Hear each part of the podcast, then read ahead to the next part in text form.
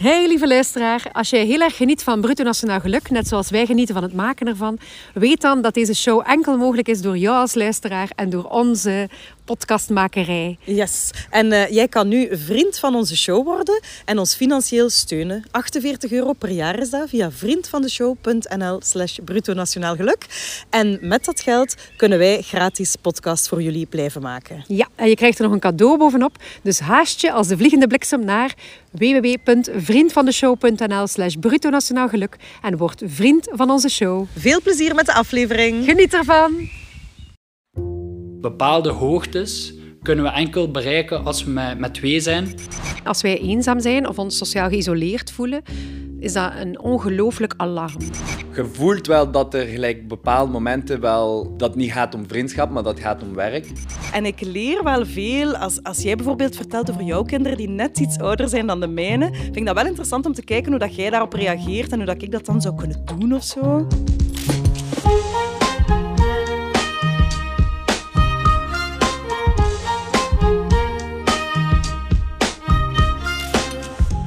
Die aflevering over geld, die heeft nogal wat teweeggebracht, hè, Maaike? Je bent dus duidelijk niet de enige met overtuigingen rond geld. Gelukkig, hè, gelukkig. Hè. Van ja. het deugd om te zien. Trouwens, ik ben naar aanleiding van die aflevering echt met superveel mensen, vrienden van mij bijvoorbeeld, aan het praten over geld. Mm -hmm. Dat is echt wel interessant. Ik heb dat ook vaak eigenlijk, dat ik nu toffe, diepe gesprekken heb met mensen naar aanleiding van een aflevering van onze podcast. Hoeveel vrienden dat er mij bijvoorbeeld al aanspraken over die meditaties. Allee, of toch mijn pogingen tot. Of over mijn Chouzemine. Seringen, seringen. Seringen, ja. Ik kreeg er dus in de brievenbus onlangs van een vriendin uh, mondmaskers met seringen en Chouzeminen oh, op. Ik was cool. cool. Ja. ja. En in de laatste aflevering van dit seizoen, Eva, gaan we dieper in op die vriendschappen. Want uit Ja. onderzoek blijkt dat positieve relaties echt leiden tot een gelukkiger leven. Daar kunnen wij van meespreken. Ja, absoluut. En bovendien schreef je daar ook een boek over, hè, Maaike? Mhm. Leven om te floreren heet dat boek, dames en heren. Ja, een keigoed Uh, al zeg ik het zelf. En ik ben echt, echt uh, niet bevooroordeeld. En ik ben ook geen non-fictie-lezer. Uh, mensen die mij kennen weten dat ik dan twee hoofdstukken lees en, en, en de rest in de kast pleur. Maar jouw boek, Maaike, heb ik helemaal uitgelezen? Weet je wat? Dat gaat altijd over een ander thema. Elk hoofdstuk is iets anders. Dus Ja. dat blijft mij boeien. Je herkoudt eigenlijk niet... Ja, ik vond, ik vond het echt goed. Oh, daar ben ik wel trots op. Daar ja, voel ik mij wel dankbaar voor. Dank u, merci. Terecht. Weet je wat de meest gestelde vraag is aan mij de laatste tijd, Maaike? Nee, hè? Hoe dat wij elkaar hebben leren kennen. Aha. Ja, en die vraag kwam ook al eens langs op Instagram, heb ik Ja. gezien. Hè? Ik denk, denk dan dat het een verrassing is voor de luisteraars, want wij kennen elkaar eigenlijk nog maar twee jaar, Eva. Wij zijn Mhm. geen jeugdvriendinnen of zo. Nee, ook al gingen we wel naar dezelfde middelbare school, hè, naar de Voskeslaan hier in Ja, Gent. maar ik zag jou niet lopen, want jij bent veel te jong. Ja, ik ben een paar jaar jonger. Maar, en we ontdekten, dat was wel grappig, hè, pas de tweede keer dat we elkaar zagen, ontdekten we dat ik nog het lief van uw broer geweest was in het middelbaar. En bij mij thuis geweest Ja. bent, maar ik, ik was niet thuis toen. Nee, denk het niet. Of ik heb u toch Ik niet zien staan. Ik zag alleen nee. Gijs. Ja, oh, voilà. prachtig. maar dus, wij leerden elkaar kennen bij een koffietje bij Sophie, hè, omdat Sophie en ik toen een podcast wilden maken. En Sophie kennen we van de, de aflevering over gedachten. Hè? Ja, en daarna vroeg jij aan mij of ik jouw collega wilde worden. Hè? Ja, ik vroeg het aan voor Studio Brein, inderdaad. En eh, van het een kwam het ander. En ik denk dat ik nu ook wel vriendin tegen u mag zeggen. Aha, nu zijn we allebei, collega en vriendin, dubbel aan, Eva, tussen ons. En straks gaan we het daar nog verder over hebben, maar ik vermoed dat jij ook iemand gaan interviewen bent deze week en dat niet alleen maar over Maaike en Eva hun vriendschap gaat. Nee, dat zou niet zo interessant zijn. Ik ben deze keer niet één, maar twee mannen gaan interviewen, zeg. En dat zijn Wart en Thomas. En Thomas, dat zal je horen, die wordt ook wel eens Kie genoemd. Dat is een soort van eh, nickname. En dat zijn al vrienden sinds ze heel jong waren. Eh Wart is eigenlijk eh, een hele grote jongen met krulletjes, een moustache, van de meter 83 pijs ik, eh, ongeveer. Redelijk koppig soms, maar wel heel vastbesloten en heel ondernemend. Een echte leidersfiguur. Thomas is, is mijn beste maat. Ehm, hij is, nou ja, na zo'n mooie beschrijving zit er druk op, eh, op mij. Ehm, ja, Thomas is, is ook voornamelijk een heel positieve gast. Die, ehm, die altijd open staat om, eh, om te proberen, om te, om te doen. Ja, om het even welk dom, dom idee, hoe dommer hoe beter. Eh, we gaan ermee aan de slag en dan ja, wordt het altijd wel iets. Zelfs als het een heel slecht idee is, zal, zal Thomas er wel mee overweg kunnen. Dus, dus dat is heel tof. Ja.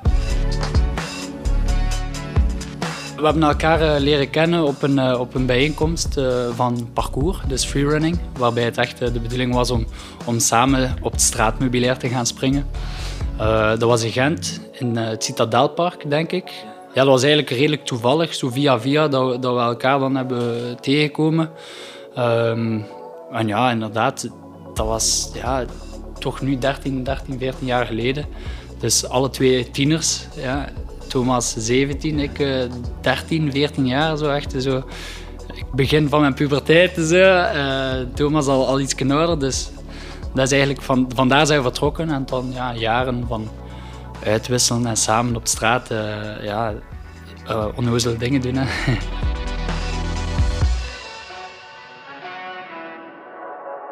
En Wart, Eva, dat is ook een broerke van mij eigenlijk. Hè? Dus die ja. dan, maar dat is nooit uw lief geweest, hè? Nee, nee. Die is wel iets te jong voor ja, mij. Het is wel tof om te horen hoe waarderend zij over elkaar praten, hè? Wart en Thomas. Ongelooflijk. Ja, en ondertussen zijn ze ook collega's geworden en vormen ze mhm. samen het duo B-Flat. En ze maken eigenlijk voorstellingen. Iets eh, tussen acrobatie en eh, parcours, waar ze al over spraken. En wat een voorstellingen, hè, Mike? Heb jij er al gezien? Ja, ja, ongelooflijk. Dat zijn ze van die voor... Die klimmen dus overal op. En dan springen ze, ik weet niet hoe hoog, in elkaars armen en zo. Dat zijn van die voorstellingen waarbij je constant denkt, oh nee, oh nee, hij gaat toch niet vallen, hij gaat toch niet vallen. We treden op en we spelen eigenlijk in op de publieke ruimte. Dat wil eigenlijk zeggen dat eh, er passanten langskomen, dat we het straatmeubilair gebruiken, ehm, dat we de muziek die aanwezig is gebruiken als soundscape. Eigenlijk vertrekken we uit het principe van de parcours. We passen ons aan aan de omgeving, aan de situatie, maar dan in voorstellingsvorm. Dus we komen met twee toe en we brengen eigenlijk acrobatie, humor, ja, eigenlijk veel fysieke grapjes, waarbij dat mensen ook betrokken worden, waarbij dat ze zelf ook op podium komen. Dat podium is natuurlijk niet, niet afgebakend, hè, maar de mensen worden mee betrokken. Ja, van nature klimmen wij vaak en het mooie daarbij is, uh, en wat ook een metafoor is naar onze vriendschap, is dat we bepaalde hoogtes kunnen we enkel bereiken als we met, met twee zijn. En dan nog, nog extra met onze ladder kunnen we eigenlijk bepaalde hoogtes bereiken die we alleen nooit zouden halen. Dus ja, dat is eigenlijk de, de, de mooiste metafoor van vriendschap. We dragen elkaar en we geven elkaar de steun om allee, nieuwe hoogtes te bereiken. En dat is eigenlijk continu aanwezig in, in, de, in onze voorstelling. Ja. Dus bijvoorbeeld het zwembad noemen we dat, dan ga ik op een hoogte staan en dan duik ik eigenlijk, de Wart heeft zo zijn armen vast, zo'n cirkel voor de borst zo, en ik duik door zijn armen erin. Dus dat is zo, ik denk de meest vertrouwens uh, dingen. En ik wil altijd veel te hoog staan en de Wart ziet dat toch nooit zitten, dat ik zo van zo hoog springen. Zo, maar ja, dat is, dat is een deel vertrouwen, maar een deel is dat ook gewoon het plezier beleven van het samen bewegen of iets doen. En delen met mensen dat er rond staan.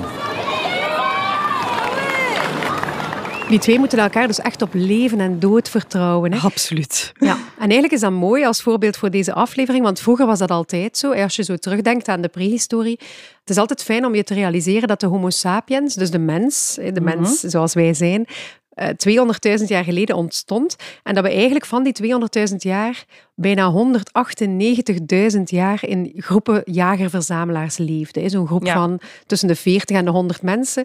En we zijn nog maar heel recent, 2000 jaar geleden of zo, in landbouwgemeenschappen en dan in steden gaan wonen. Mhm. Dus eigenlijk is ons brein voornamelijk gemaakt voor het samenleven met een kleine groep mensen. En toen was het van levensbelang dat je met elkaar verbonden was. Hè? Want je kon echt letterlijk niet overleven zonder die groep. Ja, dus ons brein is zo geconditioneerd dat we eigenlijk constant vrienden zoeken om ons veilig te voelen. Klopt ja, dat? We willen echt sociaal contact en stevige sociale relaties.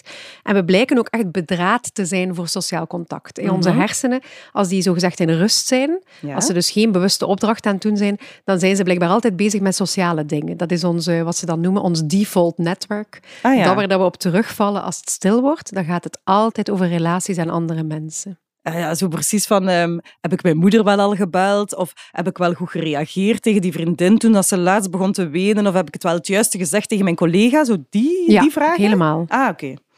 Maar nu even terug naar onze eerste aflevering van Bruto Nationaal Geluk over introvert en extravert. Daar heb Mhm. jij mij verteld dat sommige mensen minder sociale contacten nodig hebben dan anderen, of daar toch minder van opladen. Dus ik als extravert, ik word diep ongelukkig eh, van alleen zijn, dat is een feit. Maar is dat bij jou dan ook? En wat heeft dat dan te maken met die, die zoektocht naar vrienden in uw brein? Ja, klopt. Hè. We hebben gezegd toen, extraverten willen eigenlijk meer sociaal contact en vooral worden blij van in groep zijn Ja. en van veel eh, sociaal contact hebben. Die krijgen daar energie van. Terwijl introverten minder sociaal contact willen, liever één op één contacten hebben met diepere gesprekken en dat een groep voor hen juist energie kost. Mhm. Hadden toen ook de ambiverten, hè, Ja. die daar dan tussen liggen. Maar ondanks die verschillen, die er dus zeker zijn, de ene mens heeft gewoon minder contact nodig dan de ander, heeft elke mens echt een basisbehoefte aan sociale verbondenheid. Ah, ja. Iedereen. Ook al is het maar één iemand of Ja. zo. Ja. ja, we maakten ook al eens een Studio Brein aflevering over eenzaamheid. En daarin vertelde jij mij ook, Maaike, dat dat brein van ons echt niet graag eenzaam is. Hè? Nee, eenzaamheid is echt een hele specifieke, blijkbaar een hele heftige pijn voor mensen. Mhm. Eigenlijk zoals we dat net evolutionair verklaarden. Hè. Als wij eenzaam zijn of ons sociaal geïsoleerd voelen, is dat een ongelooflijk alarm. Dan gaat heel ons systeem eigenlijk in overdrive, Ja. omdat we dus... Ja, dat was echt levensgevaarlijk. Dus denk maar aan scheiding of ontslag of gepest worden of je niet thuis voelen in een groep. Of dat zijn hele heftige dingen voor mensen om mee te maken. Hele Ja. heftige ervaringen. Wist je trouwens dat die pijn op dezelfde plek zit in je brein als bijvoorbeeld hoofdpijn? En dat is ook een, een pijnstiller zoals paracetamol of ehm, aspirine werkt tegen eenzaamheid. maar ik dacht dat paracetamol ook hielp tegen liefdesverdriet. Dat zit daar dan ook. Ja, en ook tegen heimwee blijkbaar. Allee, jong. Misschien moeten we aan Dafal gaan vragen of dat ze ons willen sponsoren in het Maar vervolg. ja, dat is eigenlijk. Big Pharma. Maar even terug naar Wart en Thomas. Hè? Want zoals je al hoorde, was Wart maar 13 jaar en eh, Thomas 17 toen ze elkaar leerden kennen. En ze hebben dus heel wat verschillende levensfases wel samen doorlopen. Ja, 13 en 17. Thomas, dat was een kleine pruts. Ja, ja, dat was echt een broekventje als ik hem de eerste keer zag. Nog altijd. ja, ja, het blijft de snotneus van de twee. Maar eh, eerst woonde ik in Tervuren en Wart woonde in Gent. Maar dan als ik afgestudeerd was van het middelbaar, dan ben ik naar Gent gaan wonen. Eh, en dan ben ik eigenlijk vooral elke dag met Wart beginnen optrekken. Dan hebben we elkaar elke dag gezien, dag in dag uit. Samen trainen en rondhangen op de straat. Leuten maken. Voor mij was het natuurlijk ja, een, gast die al, al verder in het leven staat, al eigenlijk zelfstandig was, grotendeels. Allee, die eerste jaren niet, maar na een tijd wel alleen wonend. Dus dat was ook wel ergens een, een, een uitvalsbasis van na school kan ik naar daar gaan, kunnen we... een beetje een onafhankelijkheid die zo eh, ondersteund werd door iemand die al ouder is, die al verder staat daarin, maar die toch nog altijd jeugdig genoeg was om, allee, ik, ik heb eigenlijk uit natuur altijd met oudere mensen opgetrokken, heb ik het gevoel. Dus ik kon wel, ik kon wel mee, denk ik. Dus het was niet die, die, die pruts die van niks wist of zo. Maar, eh, maar ja, natuurlijk, ja, een voorbeeldfiguur als de Ik weet niet of dat altijd goed is. Of dat dat het goede voorbeeld was. Eh, ik ben wel een hele brave, dus ik denk het wel.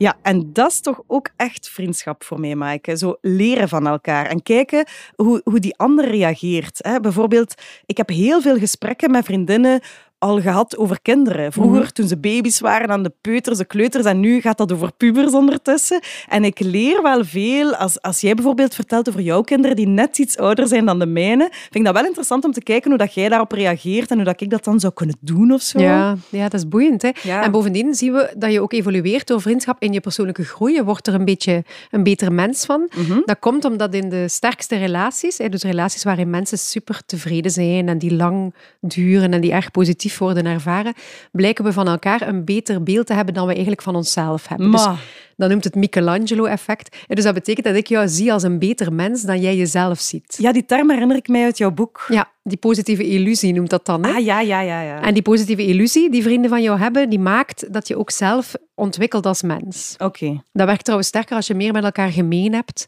En dan stimuleer je elkaar om te groeien op die gebieden. Dat doen wij trouwens ook hè, met die podcasts hier. Mhm, Heel het idee van, wat was de start? Die podcast en het brein. En daardoor Ja. leren wij toch echt van elkaar. Ja, dat is waar. En, en Bart en Thomas zijn duidelijk ook vrienden geworden door die gemeenschappelijke interesse in parcours. Hè, want daar is het allemaal begonnen. En die hebben superveel tijd met elkaar doorgebracht. En ze kennen elkaar door en door ondertussen, vertelden ze mij. Maar wij waren eigenlijk altijd bezig over parcours. Parcours, dat was ons leven eigenlijk. Grotendeels. En ook wat meisjes en zo. Maar eigenlijk, ja, met onze, onze vriendenklik, allemaal gasten eigenlijk, ay, voor mij toch van, van Vlaanderen, die dat allemaal parcours deden eigenlijk, was dat gewoon elk weekend gingen we ergens naartoe, zagen we elkaar op een andere, in een andere stad in België. En dan zo waren we elke keer aan het toeleven naar dat weekend en na samen avonturen beleven. En... Ik heb bijna het gevoel dat, dat onze, onze vriendschap gebouwd is op, op, die, op die subcultuur van bewegen en van de nood van echt fysiek bezig te zijn en, en het stad te ontdekken samen. En dat creëert gewoon een band, omdat je, ja, verplaatst je samen. Dus al reizend, ja, komt er veel los ook, denk ik. Maar ook al, al allee, je, je eigen grenzen verleggen en de, de steun dat je hebt aan je vrienden als je dat moet doen, een bepaalde sprong doen of zo, die, die, waar je bijvoorbeeld wat bang voor bent, um, ja, dat is wel machtig als je dat kunt delen met, met mensen. Ik kan een plaats zien en ik weet, op een gegeven moment gaat de key op dat punt een handstand doen. Ik, zonder, dat we, zonder, dat ik, eh, zonder dat de zelfs al toegekomen is, weet ik van op voorhand, oké, we gaan hier optreden. Dat zal waarschijnlijk wel in de voorstelling zitten. Gewoon omdat dat, omdat dat iets is dat... Ja, die wil overal handstand doen. Dus het is... The higher the better. Ja.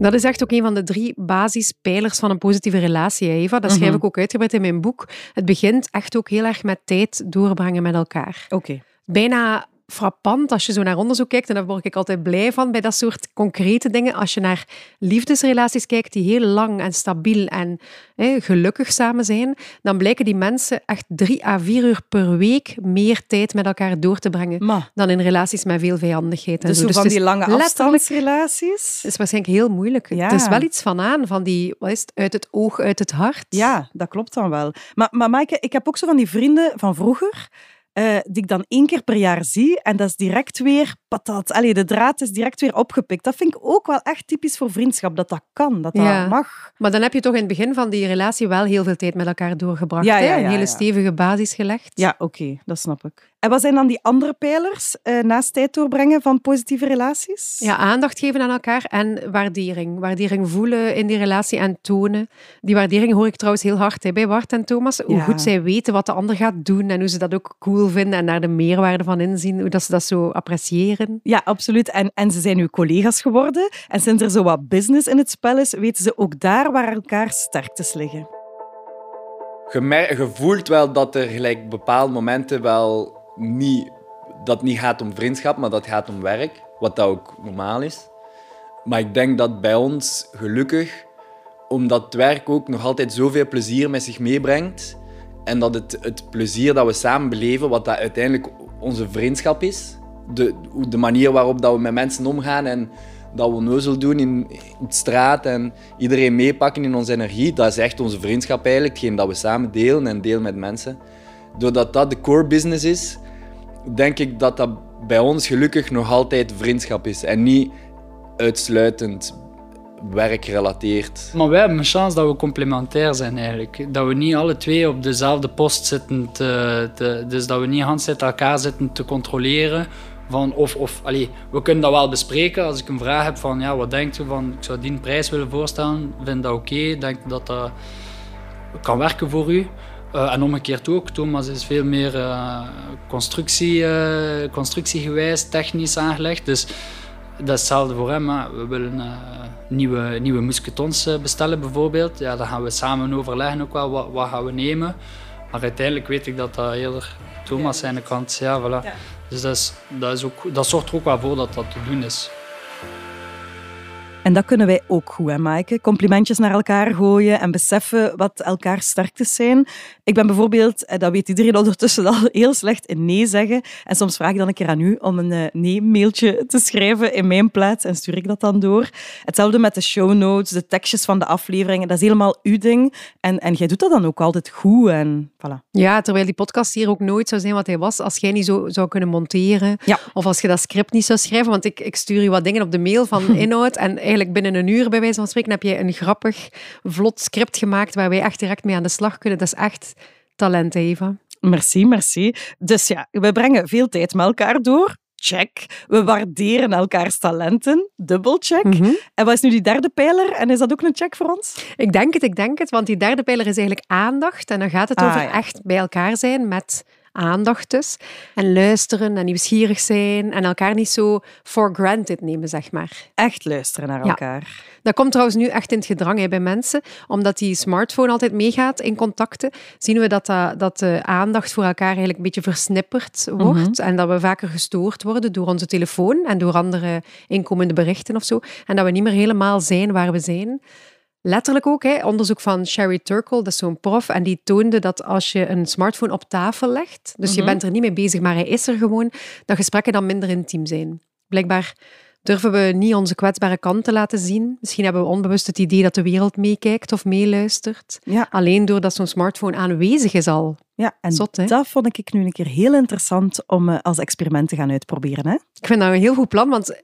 Maar dat weet jij, Eva. Ik Ja. heb eh, daar een soort idiote oplossing voor gevonden. Ik heb zo'n oude Nokia. Dat is eigenlijk een nieuwe oude Nokia, maar goed. Een Nokia baksteen in de vernieuwde versie. Ja. En daar zit mijn simkaart in, dus daar kan ik mee bellen en sms'en. En ik heb wel een smartphone, want anders zou ik al die Instagram en Facebook en WhatsApp niet kunnen doen. Maar die is alleen op de wifi. Dus meestal laat ik die thuis en ben ik echt op stap met enkel die telefoon. Daar kan je niks op doen. Dat is super saai. Ja. Dus die zorgt voor zeer weinig afleiding. Die ligt hier nooit op tafel. En ik, ik ben nogal een beetje eh, vergroeid met mijn iPhone eigenlijk. Ik moet zeggen, ik vond het geen gemakkelijk experiment.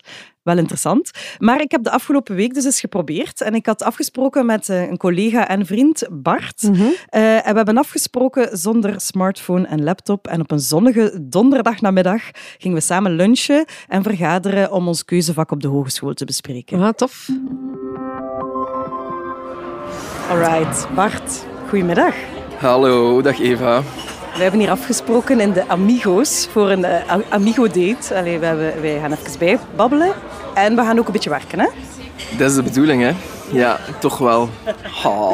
En we gaan een experiment doen, dat heb ik u verteld op voorhand. Ja, dus het is de bedoeling dat we deze namiddag, want ja, we gaan voor een paar uur eigenlijk samen, dat we dat doorkomen zonder onze smartphone eh, te gebruiken en ook geen laptop. Dus ik zou willen beginnen met de vraag, Bart, kan dat, dat uw gsm op vliegtuig gaat en eh, ergens diep in je rugzak? Dus eh, met heel veel plezier, Eva. Ik ga daar onmiddellijk werk van maken. Is dat echt met plezier of vind je dat een moeilijke?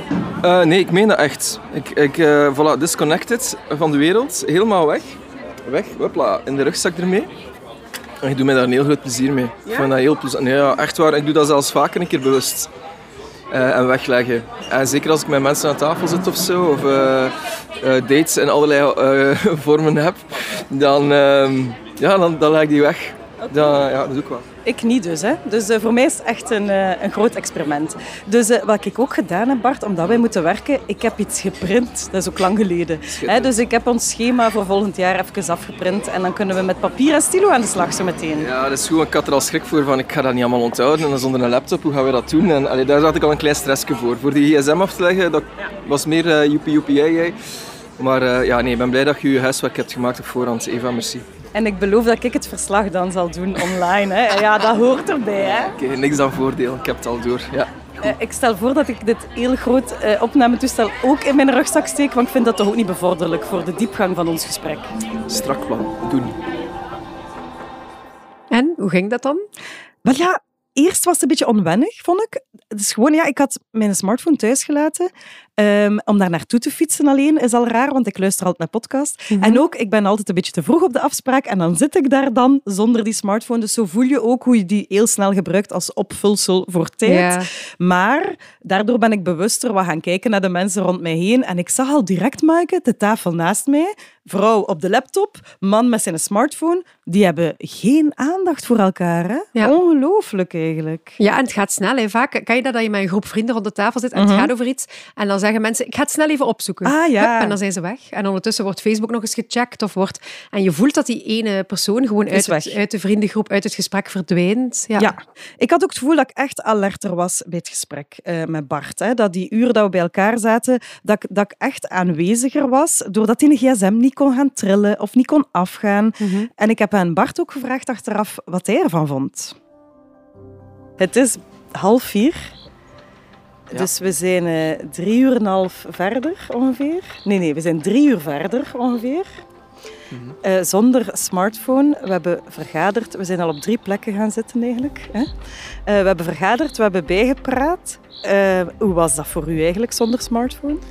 Ja, een verademing is misschien veel gezegd, hè, want ik doe dat wel af en toe een keer. Zo korte digitale detoxen, om zo te zeggen. Maar ik vind dat wel... Ik vind dat echt super aangenaam. Dat is echt... ehm, ik vind dat echt... Ik word er een beetje rustig van. Ja. En dus wat te voorspellen ook natuurlijk, hè, maar toch... Ik, eh, het is zo eh, ja, eenlijnig of zo. En dat is heel plezant. Dat je zo met één ding tegelijkertijd kunt bezig zijn. ehm, dat, dat geeft heel veel rust in je hoofd. En dat, ge- en dat geeft heel veel rust in het gesprek of zo. Dus, Hebben wij nu een, een diepgaander gesprek gehad dan anders, denk? Goh, diepgaand is veel gezegd, hè, want het was ook voor een heel groot stuk professioneel en dat is veel geregeld en gedoe. Dus dat is, dat is veel gezegd diepgaander, maar het gaat alleszins... ehm het gaat alleszins, ik, ga, ik ga in mijn hoofd vooral ook minder afgeleid zijn geweest. Terwijl ik ga, mijn, nu, ben nu echt... Mijn, ik, heb, ik heb mijn volledige aandacht gehad, Eva. Yes, Dus in, in dat opzicht was het wel diepgaander, want ik was niet afgeleid. Ik was bijna met niks anders bezig. Want ik, mijn hoofd dat schiet soms naar alle kanten en ehm, dat heb ik nu bijna niet gehad. Op welke momenten zouden anders wel naar die smartphone of die laptop gegrepen hebben? Eh, sowieso, op het moment dat ik alleen ben, dat is dan niet een gesprek, maar toch, hè, als een van de twee eh, naar het toilet gaat, of je moet even wachten op eh, iemand, of je ziet iemand eh, waar je goeiedag tegen zegt, en, eh, dus dan sowieso. En je zou kunnen zeggen, dat is buiten een gesprek. Maar je bent dan toch weer weg geweest en je moet dan toch weer terugkomen. En dat vergt energie, eh, sowieso. Dat zorgt voor een klein beetje stress, sowieso. En dat zorgt ervoor dat je ja, de draad een keer weer moet oppikken. Ook al is die draad misschien even doorknipt geweest. Maar ehm, ja, dat geeft wel een verschil. Ehm, ja. We hebben ons ook een paar keer moeten inhouden om iets niet op te zoeken, toch, hè? op onze smartphone. Maar ik had altijd het gevoel dat het zichzelf dan wel weer uitweet. Dat het eigenlijk niet nodig was om het nu op te zoeken. Nee, dat is waar. Je trekt je plan uiteindelijk wel. En dat is zo meer zo'n soort van luxe dingetje dat je gewoon bent geraakt van ja, we gaan ergens naartoe. Dan moet ik niet kijken hoe we gaan rijden. Oh, nu gaan we het wel zien. Zo, Ja. zo dat soort dingen. Dus eh dat draait dat wel los en dan ben ik heel blij dat we dat dan ook niet doen. Want allee, dan, dan, voordat je het weet zit je weer in je mails of in je WhatsApp bericht te kijken. Is er nog iets binnengekomen? Hoe zou het nog zijn met die? Is er nog iets in mijn mailbox beland? Dus ja, nee, dat is ook wel goed dat je dan gewoon een keer ziet wat er gebeurt. En, eh, en, het is ook niet dat je ondertussen heel grote diplomatieke rellen moet oplossen. Het is gewoon een plek gaan waar je iets wilt gaan drinken. Dus ja, pff, ja, Ja. het lukt wel hè. Hou. Nee, het is waar. Ik had graag een fotootje getrokken voor op Instagram van ons twee. En ik heb dat nu niet gedaan. En eigenlijk vind ik dat nu ook niet zo erg. Maar toch, ik heb stiekem een kaartje meegenomen uit de Amigos om dan achteraf een foto van te trekken om online te zetten. Hoe erg is dat eigenlijk? Ja, kijk, het is ook gecoverd hè. Voilà, is toch goed? Dat is waar. Ik ga nu niet herkend worden op straat, dus dat is ook goed. Hè. Voilà. Eh, Bart, bedankt om mee te doen aan het experiment. Heel graag gedaan. Ja, dat is dus wat ik inderdaad ook ervaar door enkel die eenvoudige telefoon mee te hebben. Dat je rust hebt tijdens lege momenten. Je Ja. grijpt niet zo snel naar dat eh, apparaat. En inderdaad dat je vooral aandacht hebt. En dat vind ik wel goud waard in eh, vriendschappelijke relaties. En ook in collegiale relaties toch maar. Nou ja, zeker. Maar eigenlijk moet ik zeggen, een van de meeste van mijn collega's zijn mijn vrienden.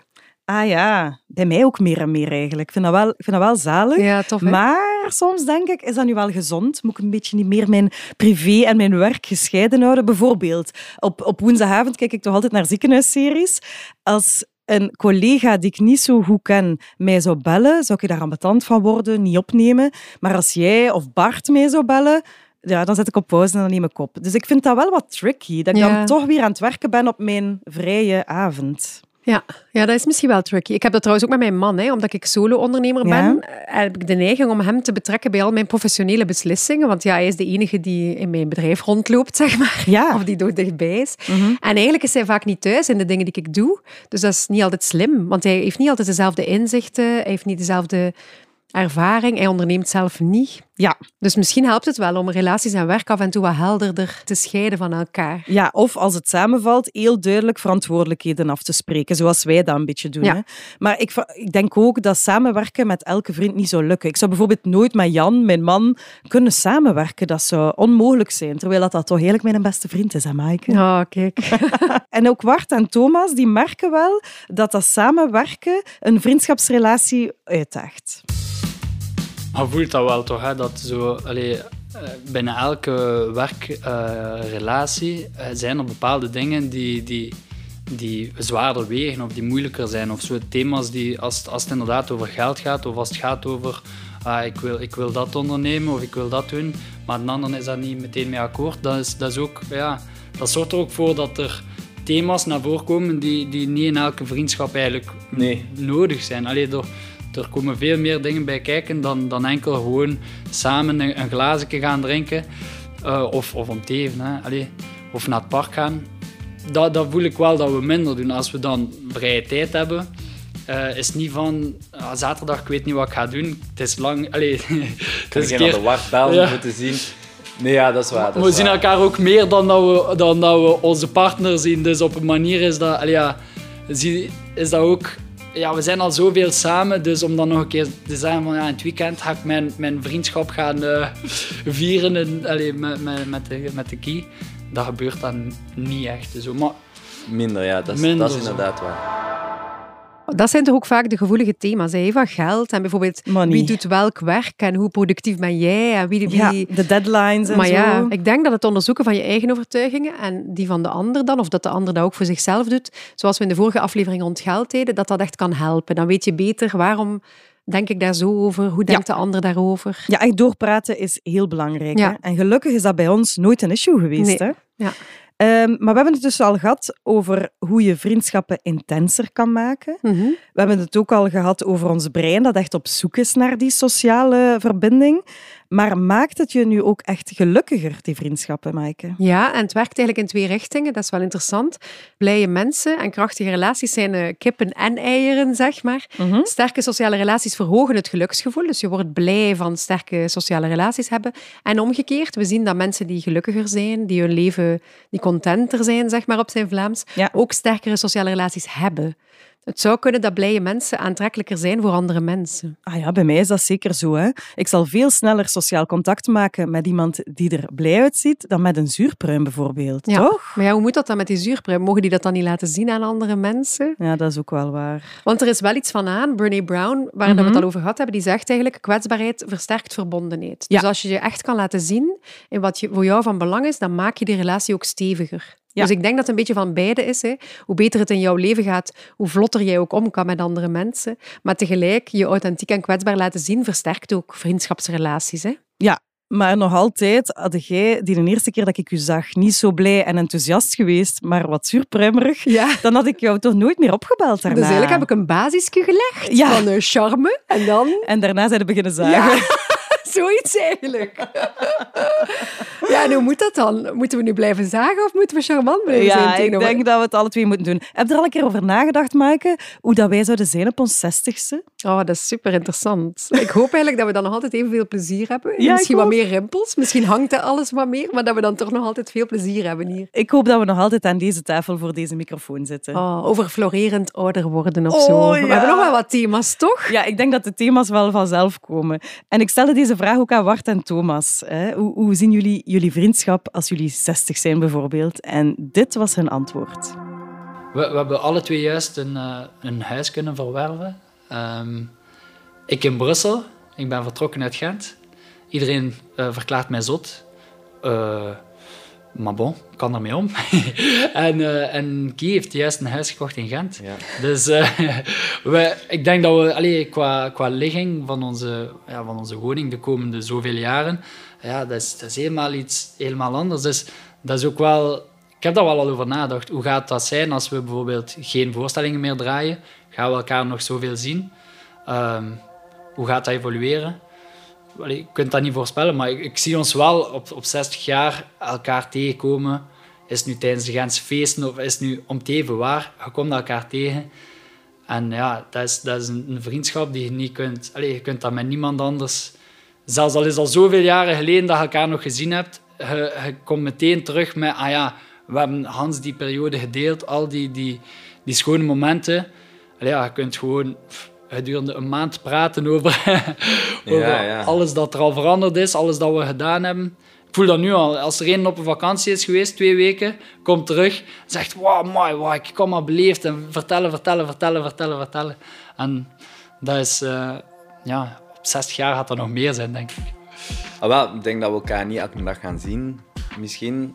Misschien ook binnen 10, 15 jaar waarschijnlijk ook niet. Maar ik denk dat we wel altijd in contact gaan blijven en altijd vrienden blijven.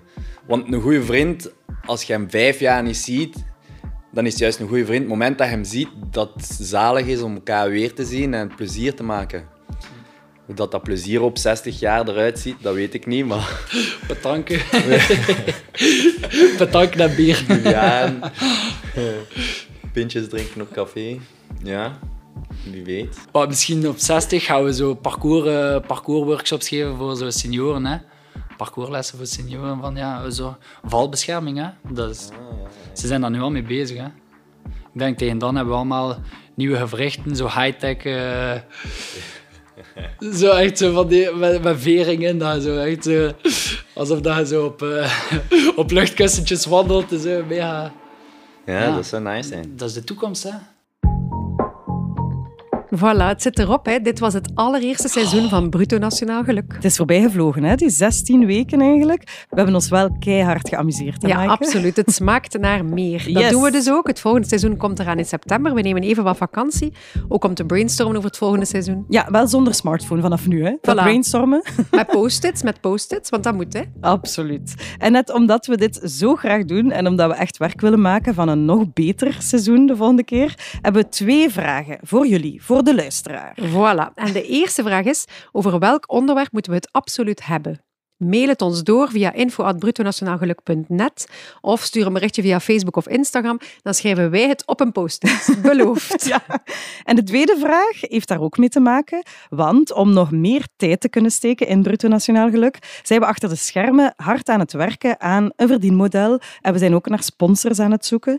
En daarom zetten we vanaf vandaag, vanaf nu eigenlijk, ons spaarpotje open en kan al wie wil, al wie genoten heeft van de podcast en van dit seizoen en graag dat tweede seizoen ook wil horen, nu een vrije bijdrage doen. Waarmee wij dan Sander kunnen betalen voor al zijn eh, montage en de muziek en de Ja. eh, sounddesign die hij doet. Of de grafisch vormgever van ons logo, die zit ook nog op zijn geld.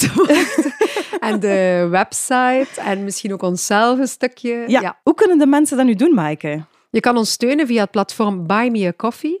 En daar betaal je dan een bijdrage die je zelf kiest voor een denkbeeldige koffie, zeg maar. Ja, dat mag één koffie zijn, twee koffies, drie, een hele thermos koffie. Je Aha. kan zo ver gaan als je zelf wil of kan. Ja, je kan ons vinden op de website buymeacoffee.com slash bngpodcast. En die link zullen we ook bij de rest van de bronnen Ja. zetten, bij onze show notes of op onze website brutonationaalgeluk.net. Ja, je kan natuurlijk ook altijd Maaike's boek kopen. Ik ga nog een beetje reclame maken Maaike. hè. Daarin staat alles uitgebreid beschreven over die eh, vriendschappelijke relaties, maar ook over heel wat andere thema's met voorbeelden en toepassingsideetjes. Voilà. Wij blijven jullie ook nog inspireren via Instagram en Facebook, al zal dat in de vakantie op een lager pitje zijn, want Ja. we gaan niet onze smartphone overal mee naartoe nemen, hè, Nee, op de camping en al. Nee, nee, nee. nee, want nee, dan hebben we geen aandacht. maar als je ons dus nog niet volgt op Facebook of Instagram, kom maar eens piepen. Ja, misschien posten we daar wel eens een fotootje van de brainstorm. Ja. En we kunnen ook wel nog een keer zo'n reel maken in ons vakantie. Ja, want nu we die reels ontdekt hebben, zelfs Sander doet dat graag. Heb Ja. je hem nog niet gezien met zijn roze zonnebril? Kom dan maar eens kijken op ons profiel op Instagram. Heel erg bedankt om te luisteren naar jullie allemaal. En ook voor de vele feedback die we kregen onderweg. Zo is dat. We gaan jullie vriendschap missen in de vakantie.